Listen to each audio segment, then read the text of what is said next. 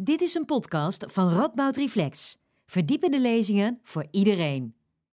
Goedenavond, dames en heren. Welkom bij dit ingelaste actualiteitencollege van Radboud Reflex in samenwerking met Vox. We gaan het vanavond hebben over de gebeurtenissen in Amerika van gisteravond. Uh, en we doen dat uh, met een heel toepasselijke spreker, namelijk Chris Nijhuis. Hij is politicoloog die als docent en promovendus werkt aan de Radboud Universiteit bij de afdeling politicologie. Um, en behalve Chris kunt u vanavond zelf ook meepraten. Er is gelegenheid om vragen te stellen via Mentimeter. Uh, de code zal gedurende de avond nog wel een paar keer in beeld komen. Hij staat er nu ook. Uh, de code is uh, 7609590. Die kan je invullen bij menti.com en daar je vraag stellen. Um, maar om te beginnen gaan we even Chris erbij halen. Chris, welkom. Bedankt dat je op zo'n korte termijn in de gelegenheid bent om even mee te spreken. Um, ja, het onderwerp is natuurlijk vrij dramatisch. Um, je bent politicoloog en dat is toepasselijk, zoals ik al zei, want gezien het onderwerp. Maar wat er nu gebeurd is, is eigenlijk buiten de grenzen van wat we normaal gesproken als politiek beschouwen of zo. Dit is iets uit de geschiedenisboeken. Uh, dus even kort, wat is er gisteravond gebeurd in Amerika? Ja, kijk, ik denk dat het tegelijkertijd een, een schokkende uh, gebeurtenis was. Uh, en tegelijkertijd is de, de, de goede opletter niet geheel verbaasd dat dit zover gekomen is. Um, wat er eigenlijk kort gebeurd is, is dat uh, in, uh, in Georgia zijn twee senaatsverkiezingen geweest. Die zijn die ochtend bekend geworden dat de Democraten die gewonnen of waarschijnlijk gewonnen hadden. Uh, en op dezelfde dag zou ehm, het Amerikaanse congres de verkiezingsuitslagen van de presidentsverkiezingen van afgelopen november moeten bekrachtigen. daarbij heeft Trump en de Republikein, een deel van de Republikeinse partij hebben eigenlijk lange tijd dat uh, in twijfel getrokken. Trump nog steeds. Die ochtend is er ook een rally geweest in uh, Washington, waarbij Trump zijn, ja, zijn volgelingen heeft opgeroepen om naar het Capitool te gaan. hij heeft eerder ook gezegd dat ze allemaal moesten komen op 6 januari en dat het wild zou gaan worden. Ja, in zijn oproep om naar het Capitool te gaan heeft hij ook nog aangegeven van ja, toon geen zwakte. Daarmee gaan we de, de boel niet veranderen. Ja, precies. Dus, en even voor de duidelijkheid, het kapitool, dan hebben we het over de plek waar de wetgevende macht zit, waar de volksvertegenwoordiging zit in Amerika. Het is het, uh, het parlementsgebouw.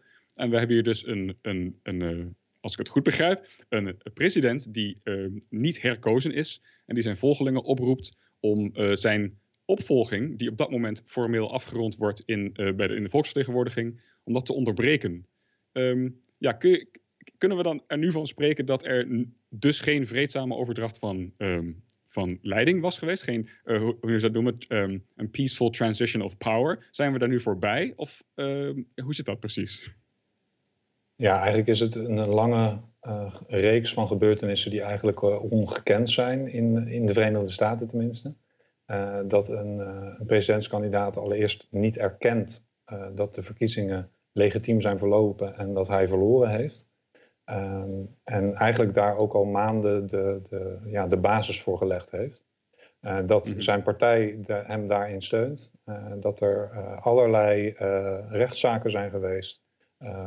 pogingen om in de staten de verkiezingsuitslagen ongedaan te maken. Allemaal ongegrond. Er is geen enkel bewijs voor fraudeleuze handelingen. En ja, dit, je kan dit gerust een aanval op de democratische beginselen noemen. Ah, dus goed punt. Dus uh, je zou dit niet, wat er nou gisteren gebeurd is, zou je niet een demonstratie noemen. Wat is een misschien, ja, er worden allerlei termen rondgegooid. Uh, naast demonstratie ook wel opstand of terrorisme. wat vind jij gerechtvaardigde termen voor wat er nou gisteren gebeurde? Ja, je kan zeggen dat het is begonnen als een demonstratie, maar dat het ontaard is in een, ja, een terroristische daad, in, in een opstand, in een poging tot, tot een staatsgreep. Uh, nou ja, ja, kies je ja. eigen term, maar ze zijn allemaal juist. Kijk, nou ja, sterke taal en terecht ook op zich. Uh, er zijn ook mensen gefotografeerd in t-shirts die dan naar die March to Save America kwamen. En ik zag dat ze dan op hun shirt al voorgedrukt hadden staan Civil War January 6th. Dus er is echt wel naar Washington toegekomen met de intentie om um, ja, iets meer te doen dan vreedzaam demonstreren. Um, je zei ook iets over eigenlijk de historische aard hiervan. Want uh, is, is dit nou, komt dit nou elk jaar voor in Amerika of elke vier jaar? Nee, toch? Nee, kijk, uh, wat, wat ik aangaf, hè, het, het, is gebruik dat, uh, dat een verliezer erkent dat hij verloren heeft, de tegenstander feliciteert en daarmee de macht symbolisch overdraagt en daadwerkelijk overgedragen worden op, op 20 januari. de de acties van gisteren, dus de, het bekrachtigen van de stemmen van het electoraal college, dat is eigenlijk ook een puur symbolisch iets. Eh, wat normaal gesproken. Er zit een hele interessante geschiedenis aan hoe dat is ontstaan. Die, die zal ik u allemaal besparen.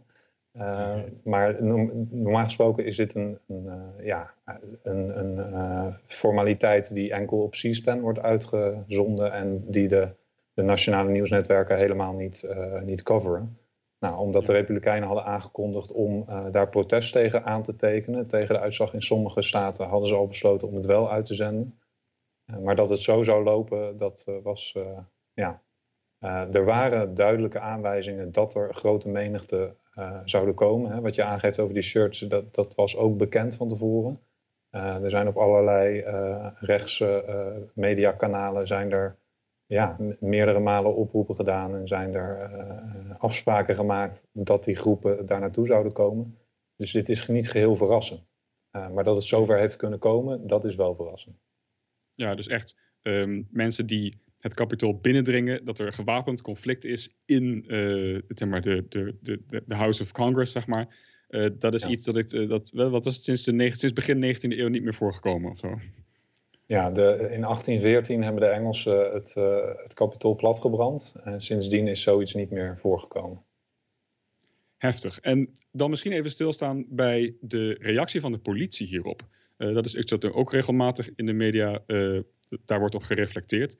Hoe kan het nou dat uh, zo'n menigte gewoon zomaar het kapitool binnenloopt en daar de boel kort en klein gaat slaan? Ja, er zitten eigenlijk twee, twee elementen aan jouw vraag. Het eerste is van hoe kan het? Nou ja, dat, dat is nog niet duidelijk. Is nog niet exact duidelijk wat er nou aan die kant gebeurd is. Wat we wel weten is dat er eigenlijk relatief weinig mensen ter plaatse waren, politiemensen, dat ze relatief licht bewapend waren. Uh, en dan gaat het over de Capitol Police, die zijn in dienst van de federale overheid. Um, daarnaast is het zo dat uh, Washington DC heeft een eigen politieeenheid. En uh, er is sprake van een National Guard. Dat is een, eigenlijk een legeronderdeel die opgeroepen kan worden door gouverneurs, of in dit geval de burgemeester van Washington DC, met toestemming van de federale overheid. die toestemming is lange tijd niet gegeven. Er wordt gezegd dat Trump het heeft geweigerd.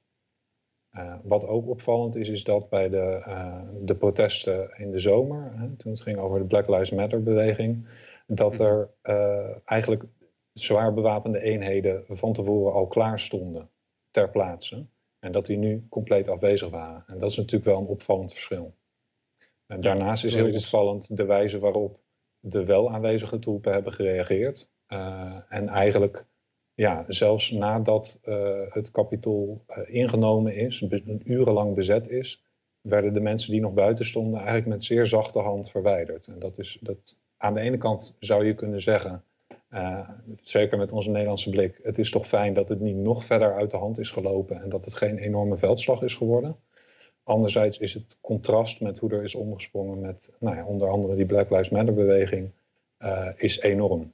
En ja, opvallend, te the least. Opvallend. Ja, en er wordt natuurlijk uh, her en der gespeculeerd dat het optreden van de politie iets te maken zou kunnen hebben met uh, ten eerste toch een soort affiliatie met Trump. Uh, en daarnaast uh, de samenstelling van de mensen die hier nu um, verwijderd moesten worden. want dat zijn dus niet overwegend zwarte mensen geweest uit Amerika. wie waren het wel? Wat voor mensen zijn dat nou die uh, met vlaggen enzovoorts het kapitool binnengestormd zijn. Eh, is dat één te onderscheiden groep of zitten er allerlei fracties in? Ja, om even terug te gaan op het eerste deel van je vraag. Uh, de federale overheid had dit veel beter kunnen voorbereiden. En het is, het is bizar en vooralsnog onduidelijk waarom dat niet gebeurd is. Uh, om in te gaan op de vraag over wie waren hier nou aanwezig. Ja, het is eigenlijk een soort potpourri geweest van extreemrechtse elementen uit de samenleving. Ehm, onder andere de Proud Boys, uh, sommigen van u misschien wel bekend. Dat is een, nou, een beruchte extreemrechtse organisatie. Uh, daarnaast zijn er ehm, ja, ook allerlei symbolen die, die belangrijk zijn om, om te herkennen als je zo'n zo'n protest ziet. QAnon, een, nou ja, een, een, vrij vergaande complottheorist. daarvan zijn aanhangers gesignaleerd, omdat ze shirts van hem aan hadden en dergelijke, omdat er leuzen werden, werden geroepen van hem. Uh, en daarnaast uh, waren er ook heel veel Confederate flags, dus vlaggen die herinneren aan de, de, zuidelijke staten ten tijde van de burgeroorlog.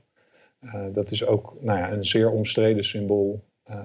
en daarnaast waren er heel veel Don't Tread on Me vlaggen en mensen die in een soort revolutionaire oorlog outfits aanwezig waren.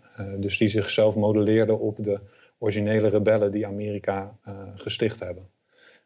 En dat is wel, ja, we zullen het straks nog hebben over de ideologie van deze mensen, denk ik. Maar ik denk dat dit een aardig beeld geeft van wie hier aanwezig waren. Daarnaast viel het op dat er ook, er waren ook gezinnen aanwezig. Hè. Ik heb ook filmpjes gezien van nou ja, twee puberjongens, ouder dan 14 zullen ze niet geweest zijn, die selfies staan te nemen midden in het kapitool. dus ja, er zijn ook zeg maar gewone burgers aanwezig die hun, het als een gezinsuitje zien.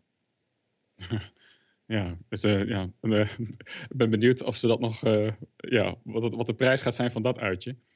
Um, dramatisch allemaal. De volgende vraag die ik zou willen stellen is waarom deze potpourri van extreemrechtse fracties nu precies hier terecht is gekomen. Is het, is dus uiteraard geen toeval dat ze in Washington waren die dag. Ze zijn opgeroepen door Trump om daar te komen. Maar is Trump nu uh, de enige persoon die, uh, zeg maar, waar je dan bij neer kan leggen dat dit gebeurd is allemaal? Of zijn er nog andere achtergronden die een rol spelen? Uiteraard, maar ik ben benieuwd of je daar wat over kan schetsen. Ja, nou, er is eigenlijk een, een vrij rechte lijn te trekken van de extreemrechtse demonstraties en uh, daarop volgende rellen in Charlottesville, Virginia, in 2017. en de reactie van Trump daarop. het zijn ja, heftige woorden. There were good people on both sides. Gisteren in, in een filmpje waarin hij mensen opriep om naar huis te gaan, heeft hij ook nog gezegd dat hij houdt van deze mensen die, nou ja, die het kapitool hebben binnengevallen. Dus de, de, de band met Trump is overduidelijk en onmiskenbaar. Um, je kan ook kijken naar de jarenlange acties, autoritaire acties en retoriek en antidemocratische acties en retoriek van Trump. Uh, dat moet je meenemen in, in de verklaring hiervan. Uh, en nou ja, daarnaast wat je zelf al aangaf, de directe oproep op de dag zelf om richting Capitol te gaan. Ja, dat, dat is de duidelijke rol van Trump. daarnaast moet je, om, om deze groep mensen te begrijpen, denk ik dat er een aantal dingen van belang zijn. deze mensen hebben eigenlijk al jarenlang, misschien zelfs decennia lang, grieven over de verandering van de samenleving. Uh, ze zien dat, uh, nou ja, dat, dat, de samenleving verandert, dat de, het land diverser wordt, dat uh, meer mensen rechten krijgen in de Verenigde Staten. zwarte mensen, LGBTQ mensen. Ehm, en eigenlijk gaat dat in tegen de wensen van deze personen, die nou ja, Amerika zien als een wit land. een land waar, waar zij de baas zijn. Hè. dat is ook iets wat je wat je veel gehoord hebt, they're taking it away from us. En dan, dan gaat het us is dan een soort ingebeeld Amerikaanse identiteit. Die gaat eigenlijk over de, ja, de witte Anglo-Saxische Amerikanen. Mm. En, dus het, en, ja, het is echt een, ja. uh, een white supremacy is, is een belangrijke drijfveer voor deze mensen. Ja. Daarnaast is het zo, dat is eigenlijk het tweede element dat je mee moet nemen, dat rechtse media en rechtse politici. Eh, die grieven al jaren en decennia lang voeden. En, en eigenlijk dat er een soort symbiotische relatie is ontstaan tussen de enerzijds rechtse politici, rechtse media en uh, ja, extreemrechtse aanhang. En nou ja, het voorbeeld van Charlottesville laat zien dat Trump dat heel goed begrijpt. En dat zijn aanhangers ook heel goed begrijpen wat Trump zegt. Ja? Mm en, en dat heeft ze eigenlijk uh, steeds meer uh, versterkt in hun, in hun denkbeelden. En ook steeds meer, ze hebben steeds meer ruimte gevoeld en bevestiging van zie je wel, we hebben gelijk. Ja, want hun denkbeelden worden gereflecteerd in wat de media rapporteert, of althans die rechtse media, en dan weer gevoed door uh, politici. Wat, wat, zou je iets kunnen schetsen over hoe dat medialandschap eruit ziet? Zijn het bepaalde websites waar ze heen gaan? Uh, zit ik ook in zo'n fuik? Hoe, hoe werkt dat precies? Ja, nou, ik, ik, denk dat er genoeg berichtgeving is geweest over, over bubbels in, over de hele wereld, over mediabubbels. In Nederland speelt dat in zekere mate via je social media kanalen. maar wat in Amerika echt anders en, en invloedrijk is, is dat de media aan zich, dus kranten, maar met name tv-kanalen, die hebben duidelijk een ideologische kleur. En met name aan de rechterzijde van het spectrum heb je onder andere Fox News, de, de meest bekeken zender in Amerika, die een overduidelijk rechts geluid verkondigt. En die ook de afgelopen jaren steeds meer is gaan radicaliseren. En dat is dan die symbiotische relatie die ik net noemde met rechtse politici en rechtse, rechtse aanhang. Dat ze eigenlijk steeds extremere statements hebben gemaakt. En, en zo uh, ja, de boel eigenlijk steeds verder opgestookt hebben. Ja. Misschien even als, als voorbeeld van hoe dan dit escaleert. Um, wat er gaande was gisteren was, zoals jij zei, de bekrachtiging van de, van de presidentsverkiezingen. En uh, normaal gesproken is dat een formaliteit. En zie je soms ook wel eens dat een lid van het huis of een senator bezwaar heeft om nog even iets kunnen zeggen of zo. Maar er was nu echt een significant deel van de volksvertegenwoordigers die van tevoren luidkeels had verkondigd dat ze protest zouden aantekenen tegen de verkiezingsuitslag. Is dat dan dus om naar de mond te spelen of om, hoe noem je dat, uh, om eh, recht te doen of om, om te, te, beantwoorden aan het beeld dat geschetst is of geschetst wordt door die rechtse media van hoe de presidentsverkiezingen verlopen zijn? Ja, kijk, we hebben het nu over de rol van de Republikeinse Partij als, als instituut en als uh, volksvertegenwoordigers. Eigenlijk hebben zij vier jaar lang uh, Trump in vrijwel alles gesteund. Daarnaast zijn zij ook al decennia lang bezig met het voeden van de afgunst en de haat jegens uh, nou ja, niet-blanke, buitenlanders, vrouwen, moslims, noem het maar op. Um, ik, ik, analyseer dat als volgt eigenlijk dat het deels uit overtuiging is. dus een, een, een smal deel in de, in de Republikeinse Partij die echt dit soort denkbeelden voelt als, een, als een soort diepe overtuiging. die groep is de laatste jaren groter geworden. Voorheen waren die wel uh, on the fringes, dus eigenlijk aan, aan, aan de randen van de republikeinse politiek uh, vertegenwoordigd. Inmiddels hebben, uh, hebben die ook een aanzienlijk aantal zetels in het Huis van Afgevaardigden en een aantal in de Senaat. Um, daarnaast heeft de Republikeinse Partij een, ja, uit politiek opportunisme ook Trump jarenlang gesteund. Hè, en ook die nou, die, die haat opgestookt en in hun eigen politiek voordeel geprobeerd te, te draaien. En dat is eigenlijk nog terug te voeren op Richard Nixon. Hè? Dus dat is echt geen recent fenomeen. maar het is in, in, meer of mindere mate altijd aanwezig geweest.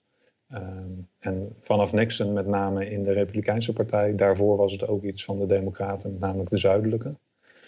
Um, nou, recent heeft de Republikeinse Partij uh, eigenlijk ook steeds steun gegeven aan Trumps ongegronde bezwaren over de verkiezingsuitslagen. En uh, Mitch McConnell, dat is eigenlijk de, ja, de leider van de Republikeinse, Republikeinen in de Senaat. En de belangrijkste Republikein na Trump, zou je kunnen zeggen. Die heeft pas een aantal weken na de verkiezingen de overwinning van Biden erkend. ook dat is ongekend. Ja, pas in december of zo, hè? inderdaad heel laat. je maakte eigenlijk net een onderscheid tussen, tussen twee soorten republikeinen. Eén groep die inmiddels ook echt de Kool-Aid gedronken heeft, of die uit eigenlijk een beetje de conspiracy hoek, de fringes, komt. Hè? Dus dat je zegt, sommige QAnon-supporters zijn nu verkozen op een, tot een volksvertegenwoordigingspositie.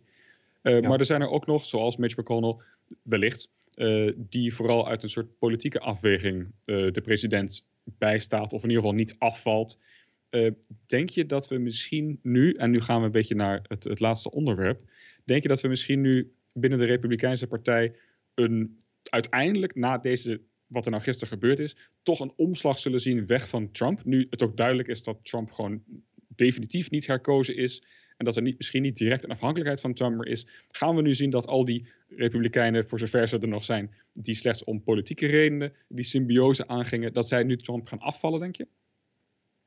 Ja, voordat ik daar antwoord op geef, wil ik nog even iets anders uh, benadrukken. Ja. Um, het wordt ook in de Nederlandse media wel gezien als een eindpunt, als een culminatie van vier jaar Trump. Uh, dit was de laatste stuiptrekking van het Trumpisme. Uh, ik zie dat echt anders. Ik acht de kans heel groot dat dit slechts een beginpunt is van langerdurige, durende ongeregeldheden. Ik, ik, ben ook wel gespannen voor wat er op, op 20 januari, op de, de dag van de inauguratie van Joe Biden, wat er dan gaat gebeuren. En ook nog in de tussentijd en daarna. Dus ik denk dat het goed is om te, om te benadrukken dat, dat we er eigenlijk middenin zitten. Dat dit nog geen afgerond fenomeen is. Um, en wat de Republikeinse Partij precies gaat doen, hè, want dat was jouw vraag, dat, dat, dat is afwachten. Uh, je, zag gisteren eigenlijk al dat, dat bepaalde mensen aan het schuiven waren. Hè. Bijvoorbeeld Kelly Loeffler, de, uh, een van de, van de Republikeinse senatoren uit Georgia, die dus haar race verloor op die dag zelf. Die was voornemens om eh, eh, om protest aan te gaan tekenen tegen de presidentsverkiezingsuitslagen in haar staat. Dat heeft ze na de inval, eh, na de aanslag, heeft ze dat teruggetrokken. Dus ze heeft besloten om dat toch niet te doen. Dus er is een deel van de, van de Republikeinse, met name senatoren, uh, die bakzeil halen. Uh, die nu echt, uh, ja, too little too late, maar echt afstand nemen van Trump. In ieder geval retorisch. Daarnaast is er ook een grote groep, met name in het huis van afgevaardigden, waar nog meer dan 100 republikeinen eigenlijk nog steeds tegen die verkiezingsuitslagen gestemd hebben. Dus niet ingestemd hebben met uh, het certificeren van de verkiezingsuitslagen, waar, waarmee ze dus aangeven, Trump heeft gelijk, de verkiezingen zijn gestolen. en ja, dat is dus geen onaanzienlijk deel. Dus meer dan de helft van de republikeinen verkozen in ja, wat wij de Tweede Kamer zouden noemen. Um, ja. Dus ja, er is een soort uh, richtingenstrijd die de komende maanden en komende jaren zal blijven woeden, verwacht ik. Trump zal niet verdwijnen van, van het podium. zijn zoons zullen niet verdwijnen van het podium. En ook zijn, zijn aanhangers in de Senaat. Dan heb ik het met name over Ted Cruz en, en Hawley, senator, senatoren. Um, die zien zichzelf als de natuurlijke opvolgers van Trump. En als een soort kroonprins voor de Trump base. Dus de, ja, de, de diehard volgelingen van Trump. En zij hebben dus ook gisteren gewoon hun, hun verzet voortgezet. Uh, en eigenlijk ook ja, nauwelijks of met, met, met lauwe woorden afstand genomen van wat er gebeurd is.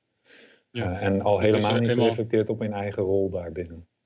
Nee, dus, dus uh, toen na alle ophef gisteravond uh, uiteindelijk dan toch het uh, kapitool weer schoongeveegd was, heeft men de zitting hervat. Dat is natuurlijk ook een belangrijke symbolische hervatting.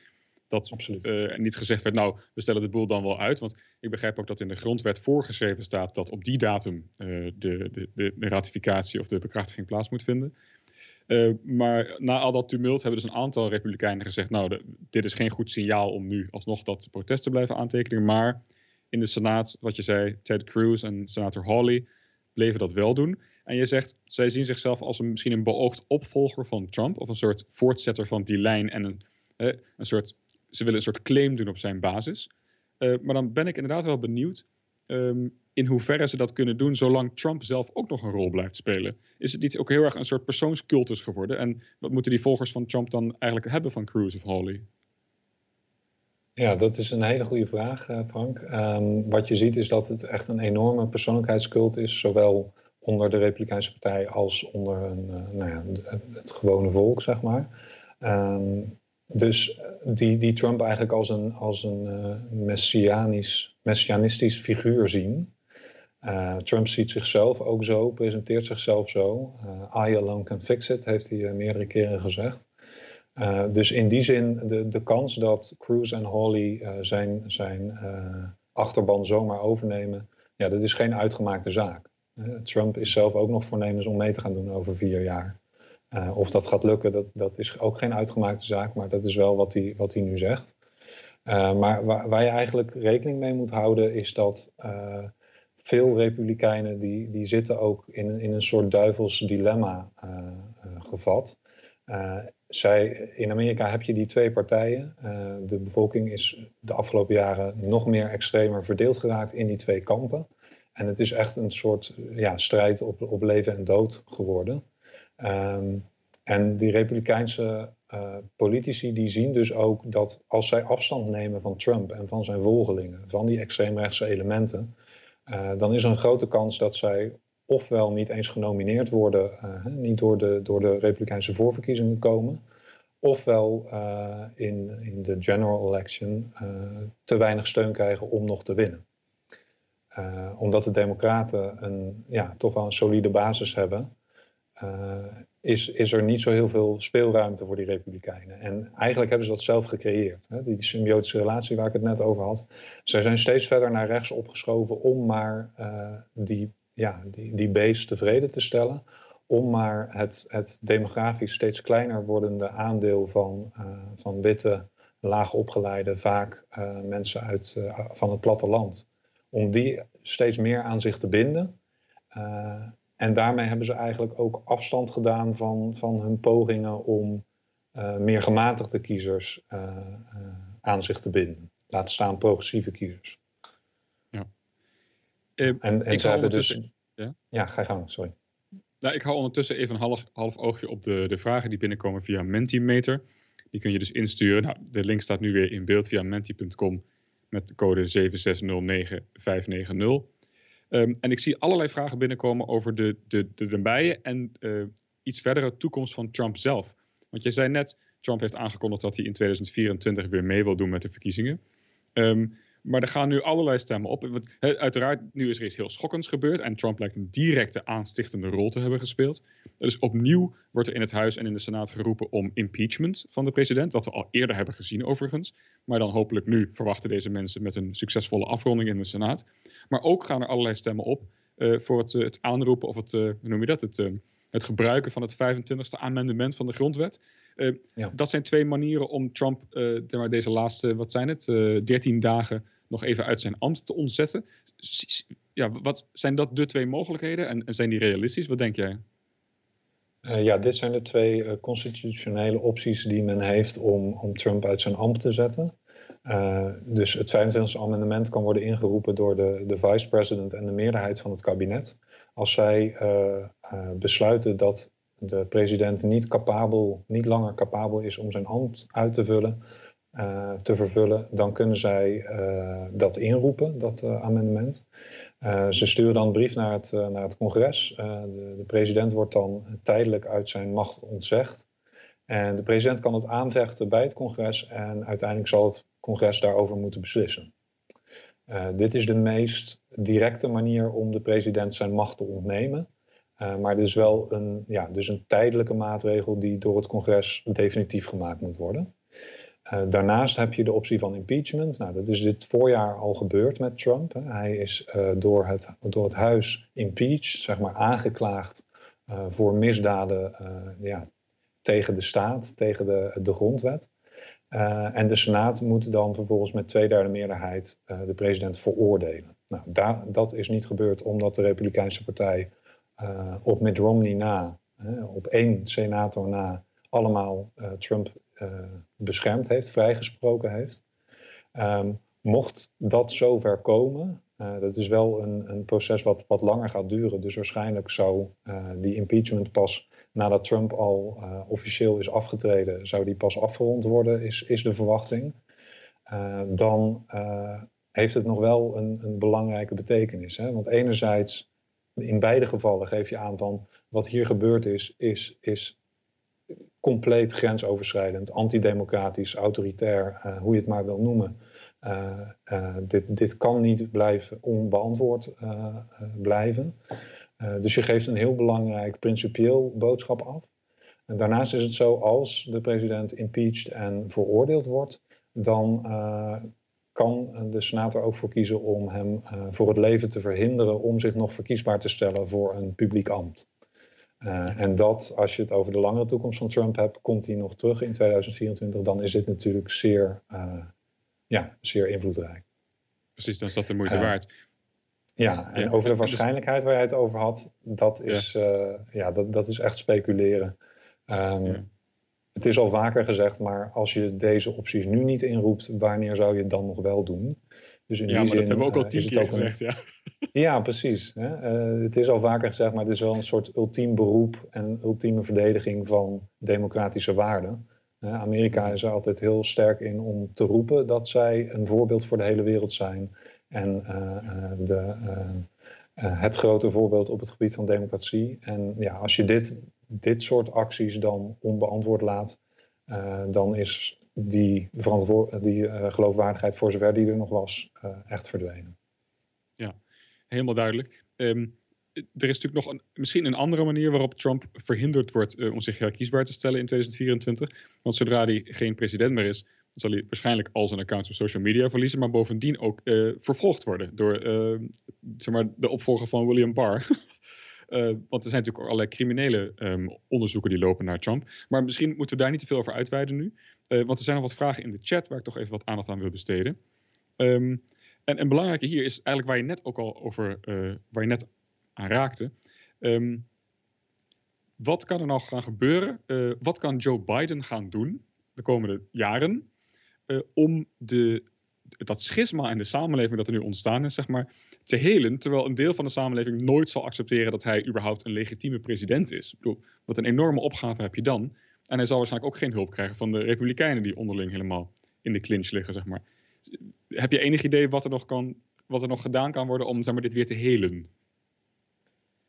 Ja, dit is een, een hele lastige en belangrijke vraag. Ehm, ik kan daar een aantal dingen over zeggen. Uh, Joe Biden zelf um, is misschien wel de, de meest geschikte persoon om hier nu uh, mee aan de gang te gaan. Uh, hij gelooft er zelf in dat het hem kan lukken. hij heeft er ook bewust op ingezet tijdens de campagne. De, de Battle for the Soul of America noemde hij het steeds. En de natie moet geheeld worden, heeft hij het ook meerdere keren over gehad.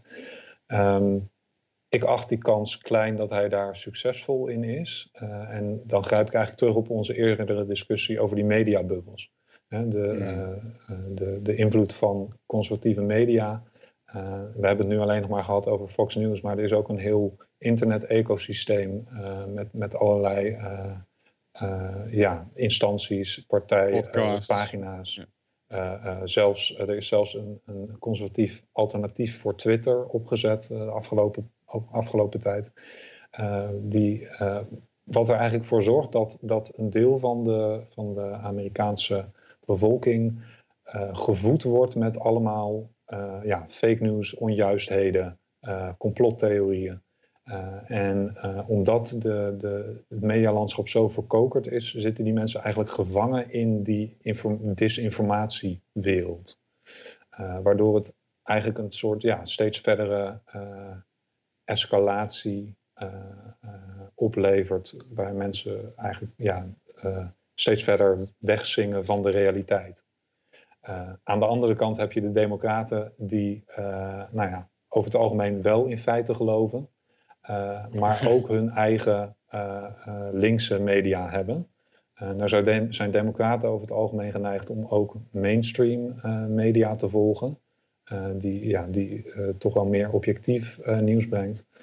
maar ook daar heb je de, ja, de linkse opiniemakers die, ja, die door mensen gevolgd worden en die ja, weliswaar op, op andere gronden. Hè. Eh, mag op geen enkele manier een equivalentie zijn tussen die twee uh, elementen, want dat is er niet. Zij zijn wel gegrond in realiteit, maar hebben ook een overduidelijke mening. Hè. En, en ook het, de, de linkse achterban wordt dus heel erg gevormd door de media die ze volgen.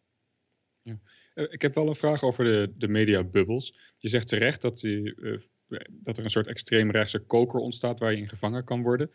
Maar we hebben ook gezien de laatste tijd dat uh, bijvoorbeeld Fox News, of in belangrijke mate Fox News, toch ook wel de president is gaan afvallen. En dat er meer en meer um, zeg maar, rechtse media zijn of rechtse boegbeelden die toch zeggen, nou dit gaat te ver. we hebben natuurlijk al lang Chris Wallace op Fox News, maar eh, er zijn steeds meer signalen dat de, de mensen waarop vertrouwd wordt, binnen de Fox News, zeg maar, een beetje de president eh, loslaten. En is dit dan dit leidt natuurlijk toe dat uh, veel publiek vlucht of vertrekt en naar andere alternatieve media gaan, zoals uh, dat die alternatief voor Twitter of naar OAN of zo, allerlei nog meer extremere netwerken. Maar zeg je dan dat dat puur een verplaatsing is, dus dat de mensen allemaal dan naar OAN gaan, of denk je niet dat er toch ook sprake is van op een bepaalde manier een terugdringing van dat gedachtegoed. En dat die extreemrechtse media toch wat meer versnipperd en meer fringe wordt, omdat de meer mainstream dingen als Fox langzaam maar zeker, om redenen die ik verder niet ken, toch aan het draaien lijken te zijn. Ja, kijk, deels uh, klopt het wat je zegt. Hè? Uh, uh, mensen stappen over naar OAN of naar Newsmax. nog extremere kanalen dan Fox News. Um, daarnaast heb je los van de kijkcijfers, wordt het nog veel meer gedeeld over internet. Dus het begint op Fox News of OAN of Newsmax en wordt vervolgens wijd verspreid op internet. en de complottheorieën die op internet rondgaan, komen weer bij Fox News binnen. Um, ik wil nog wel even wat je net zei over Fox News nuanceren. Want er is inderdaad een aantal mensen op Fox die ja, zich een beetje uitspreken tegen wat er gebeurt. tegelijkertijd de meest bekeken programma's in de avond, in prime time op Fox. Daar is gisteravond al, werd er al over gesproken dat eigenlijk die protesten aangejaagd werden door linkse agitators. Mensen die ja, vanuit linkse hoek proberen het protest over te nemen en ervoor gezorgd hebben dat het gewelddadig is geworden. is absoluut op geen enkele wijze bewijs voor. Maar dat is wel wat er nu geroepen wordt. Hè? Dus, en, en dus gewoon op Fox News in de avond. Dus overdag zitten er mensen die min of meer nieuws brengen. En s'avonds uh, komt, ja, ik noem het maar de, de clean-up crew. Die, die, die meteen weer conspiracy theorieën erin gooien. En eigenlijk ja, compleet achter Trump staan. Ja. Oké, dus goed dat je dat nuanceert. Um, er is nog een vraag uit de chat. En dat is wel een, um, een vraag die ons allemaal aangaat. is het denkbaar dat zoiets ook in Nederland gebeurt? Dat ons Tweede Kamergebouw bestormd wordt en dat er hooligans of terroristen of uh, opstandelingen gaan zitten in de stoel van de voorzitter en het podium meesnemen en ruiten ingooien en zo. Uh, gaat dat hier ook gebeuren? Kan dat populisme overslaan naar Europa? Of is dat populisme, kan het extremisme overslaan naar Europa? Ja, een interessante vraag. een beetje een, een, enge gedachte om over na te denken, als ik, als ik eerlijk ben. Um, zeg nooit nooit. Ik denk dat dat, dat dat het eerste is wat je moet zeggen. Anderzijds is de, de Nederlandse maatschappij wel echt anders dan de Amerikaanse. We, we zien wel bepaalde patronen uh, van het extremisme, van het, het, uh, het, radicaliseren van bepaalde groepen, zien we ook in Nederland gebeuren. Uh, maar vooralsnog is dat niet in, in dezelfde mate als in de Verenigde Staten. En als we het hebben over gewelddadig protest, hebben we daar in Nederland veel minder traditie van dan in de Verenigde Staten. we hebben natuurlijk ook over het algemeen geen wapens op zak. Nee, dus er zijn wel echt aanzienlijke verschillen. Uh, maar ja, ik, ik ben niet zo naïef om te, om te denken dat zoiets in Nederland nooit zou kunnen gebeuren. ook in Nederland, als, als we het dan bijvoorbeeld hebben over de, nou, de recente ontwikkelingen binnen Forum voor Democratie. daar zie je dat extremistische denkbeelden ja, gewoon voet aan de grond hebben in die partij. Baudet heeft ook laat zich inspireren door, door extreemrechtse denkers uit Amerika. Uh, hij uh, laat zich ook zijn, zijn volgelingen op internet gebruiken dezelfde memes die voor Trump werden gebruikt voor Baudet. dus, hmm. dus ja, um, in het klein hebben wij het in Nederland ook. Ja. Alleen ik denk dat, dat de voedingsbodem voor grootschalige protesten, gewelddadige protesten in Nederland wel kleiner is. En wij hebben gelukkig niet zo'n zodanig medialandschap als in de Verenigde Staten. Ja, en er is misschien nog een verschil dat ook weer aangeduid wordt door een van de kijkers in Mentimeter. Uh, die vraagt, heeft dit nou misschien ook te maken met het feit dat er in Amerika een twee-partijenstelsel is? En zoals in Nederland één partij radicaliseert, ja, dan is er zo'n overweldigende meerderheid van andere partijen die dat misschien um, afkeurt. Terwijl in Amerika is het heel erg uh, een rood of blauwe team. En ja, als het ene team helemaal doordraait, dan wordt het lastiger. Absoluut. Ja, en uh, dit is een hele terechte opmerking. Hè. Uh, het politiek systeem van een land heeft altijd invloed op, op de uitkomsten die je, die je ziet. En uh, nou, waar we het net lang over gehad hebben, die symbiotische relatie tussen die rechtse politici en hun achterbannen, dat is in Nederland veel minder, omdat er meer alternatieven zijn. Tegelijkertijd hebben we ook in Nederland gezien dat nou, met het, het, het opkomen van Fortuin, de PVV en Forum, dat mainstream partijen, centrumrechtse partijen als de VVD en het CDA ook naar rechts opschoven om ja, een soort wind uit de zeilen te nemen. Uh, met als resultaat dat dus per saldo het, het, Nederlandse politiek rechtser is geworden. En dat ook denkbeelden die voorheen als extreem werden gezien, meer mainstream zijn geworden. Dus ook in Nederland zien we, zien we dit soort ontwikkelingen. maar niet in zulke mate omdat we inderdaad zoveel alternatieven aan partijen hebben dat het veel moeilijker is om, om nou ja, ook, ook als politicus gevangen te raken in, in, dat, in die symbiotische relatie. wat daar ook bij meespeelt is dat in Amerika politici persoonlijk gekozen worden. en in Nederland partijen gekozen worden en lijsten gekozen worden. Dus dat maakt ook dat, dat de link tussen een achterban en een specifieke politicus minder sterk is dan in Amerika. Ik heb hier nog een vraag en uh, daar hebben we het een beetje over gehad, maar dan in relatie tot politici. Uh, nu gaat de vraag over de demonstranten of um, nou ja, de mensen die gisteren het kapitool bestormd hebben. En de vraag is of wij weten of de meesten daarvan oprecht geloven in de uitspraken van Trump en dan daarom het kapitool hebben bestormd, of dat het gewoon railschoppers waren. Ja, dat is altijd lastig om dat, eh, om dat vast te stellen. Uh, als ik afga op uh, berichten uit de media en interviews die gehouden werden. op CNN is gisteren uitgebreid verslag gedaan, waar verslaggevers aangaven dat ze gesproken hebben met, met, met die mensen.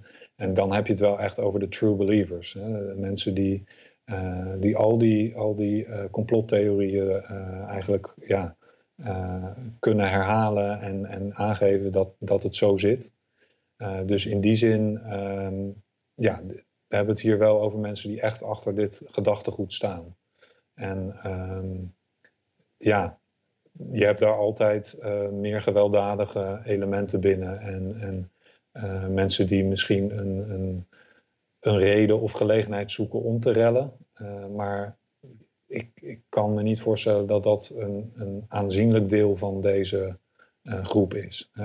Ik, de, uh, de, Proud Boys zijn ook gesignaleerd. Dat is een, een, een extreemrechtse groepering, berucht, die echt het voortouw nemen bij dit soort, dit soort demonstraties. die komen daar niet puur om te rellen, die hebben echt een politiek doel, namelijk ja, wit Amerika herstellen, zoals zij dat noemen. Um, dat, uh, ja, dus in die zin uh, voldoet het ook aan de definitie van terrorisme. Het is geweld met een politiek doel. Ja, ik hoorde ook bij de 538 Politics podcast eerder vandaag uh, dat er een vrij genuanceerd, of zij hadden het over een, een, een, onderzoek dat gedaan was inderdaad onder demonstranten, of onder conspiracy theories, die dan bezig, conspiracy theorists, dus mensen die daarmee bezig zijn, met de vraag of ze nou echt geloven dat Trump de verkiezing eigenlijk gewonnen heeft. En vaak bij enig doorvragen werd dan wel schoorvoetend toegegeven van, nou ja, het zou kunnen dat Biden inderdaad gewonnen heeft. Maar dat zou gewoon heel erg slecht zijn voor het land, werd dan in, uh, zoals het dan uh, gezien werd, zeg maar. En ook dat, zeg maar, het idee dat het helemaal naar de haaien zou gaan als Biden verkozen worden, was echt een voedingsbodem om betrokken te raken bij protesten of bij acties zoals we vandaag gezien hebben. Dus ik, ik weet inderdaad niet of iedereen daar zou zeggen, ja, uh, Trump heeft echt gewonnen. Maar er is duidelijk wel, wat jij ook zei, Chris, natuurlijk, een, een tweeledige oorzaak. Niet alleen de, de aantijgingen van Trump nu, maar ook dat jarenlang gevoede, um, ja, hoe noem je dat? Wantrouwen of het idee dat het land afgepakt wordt. Ja, ja. ik las vandaag ook een peiling dat ongeveer 45% van de uh, republikeinen, hè, dus mensen die zichzelf republikein noemen in een peiling, uh, dat die nog steeds staan achter Trump en achter het protest aantekenen deze, tegen deze uh, verkiezingsuitslag, zelfs na de, ja, de, de, terroristische daden van gisteren. Ja. Uh, dus dat geeft aan hoe, hoe wijdverspreid, hoe wijdverbreid uh, de denkbeeld is. en het geeft aan hoe enorm gepo gepolariseerd het land is. Hè? En, en vandaar dat, zoals Biden het heeft over de battle for the soul of America, zo geldt dat ook voor, voor die, die republikeinse achterban. Hè? En in de politicologie hebben we het vaak over nationale identiteit. dat is ook een van mijn onderzoeksinteresses. en dat is iets wat je, wat je met name bij populistische elementen, populistische leiders, nationalistische elementen, extreemrechtse elementen heel sterk terugziet. Is dat ze zich beroepen op een ja, een, eigenlijk een alternatief voor de, de geldende definitie van wat een land is en wie er bij dat land horen. Uh, vaak beroepen ze zich dan op een, op een zeker fictief punt in de geschiedenis waarin het allemaal beter was. Uh, en nou ja, er, er wordt dan ook een zondebok gezocht. Uh, nou ja, dat, dat zijn dan zwarte Joodse mensen, LGBTQ mensen, de vrouwenbeweging, nou ja, alles wat op dat moment maar als progressief gezien wordt, wordt als zondebok aangeduid. En nou, er zijn uh, populistische leiders die daar dan ook gebruik van maken. Hè? Dus die appelleren aan het idee van een corrupte elite uh, en een puur volk. En dat pure volk, ja, dat kan natuurlijk op meerdere manieren gedefinieerd worden. en voor, voor deze stroming is dat dus het, het witte volk. Eh, van Amerika, traditionele Amerikanen, zoals ze dat dan noemen. Um, ja, en, en um, eigenlijk is dus, dus die, uh, die Battle for the Soul of America wordt, wordt zo breed gevoeld dat het ook een existentiële strijd is geworden. waarbij dus niet meer geaccepteerd wordt, in ieder geval aan rechterzijde, dat de andere partij kan winnen. En nou ja, dat gekoppeld aan anti, dat levert antidemocratische denkbeelden op. Autoritaire denkbeelden. Uh, ja, en als dat dan ook nog door de leiders wordt uitgedragen, dan is de optel soms snel gemaakt naar dit soort acties. Ja, opstand. Chris, heel erg bedankt voor het schetsen van al deze achtergronden. En um, ja, over hoe dit soort onvrede ontstaat. En misschien die kijk vooruit die we gedaan hebben met de Republikeinse Partij. Hoe de senatoren en afgevaardigden zich nu moeten gaan positioneren. Um, misschien als allerlaatste puntje nog even benadrukken dat dit inderdaad, wat jij al zei, Chris, een uh, ontwikkelend verhaal is, een, een developing story. Uh, ik zie ook dat terwijl wij aan het spreken zijn, zo'n beetje de minister van Transport bijvoorbeeld opstapt uit het kabinet. En dat is natuurlijk saillant, want dat is de vrouw van Mitch McConnell. dus er zijn nu allerlei ontwikkelingen gaande. Um, misschien dat we hier over een week weer zitten met een, een heel nieuw actualiteitencollege. Dus hou dat in de gaten. Um, ja, en het feit dat zij opstapt is, dus, is dus ongunstig voor het uh, 25e amendement scenario. Uh, Omdat een meerderheid van het kabinet daarmee moet instemmen. En als dus de mensen die niet achter Trump staan, niet meer achter Trump staan, nu opstappen, uh, dan worden zij vervangen door, door Trump, door een, een volgeling van hem. dus dit heeft ook een averechts effect voor dat scenario, het feit dat zij opstapt. Oh, dat is meteen weer een interessante invalshoek. Ja, dankjewel ook voor, dit, voor, die, voor dat perspectief. Dankjewel. We zijn helaas door de tijd van vanavond heen. ik wil jou graag heel erg bedanken, Chris, nogmaals, dat je op zo'n korte termijn even kon aansluiten. En voor ja, de mensen thuis... Heel... We hadden nog uren door kunnen praten. volgens, met gemak inderdaad, ja. Uh, voor de mensen thuis heel erg bedankt voor het ook uh, meekijken. Bedankt voor het stellen van de vragen in Mentimeter. En natuurlijk als je dit leuk vond, like en subscribe, zoals men op YouTube zegt. en als je het echt heel erg leuk vond en je denkt ik wil Radboud Reflex steunen, dan kan dat ook door een donatie te doen. Daar zit ook een linkje, of er zit een donatieknop op onze website www.ru.nl slash radboudreflects. En op die website kun je ook het programma in het voorjaar terug gaan vinden. Dus houd het in de gaten, er komen weer allerlei interessante programma's aan. Dank jullie wel voor de aandacht. Uh, een hele fijne aandacht, hele fijne avond en nogmaals bedankt voor het kijken.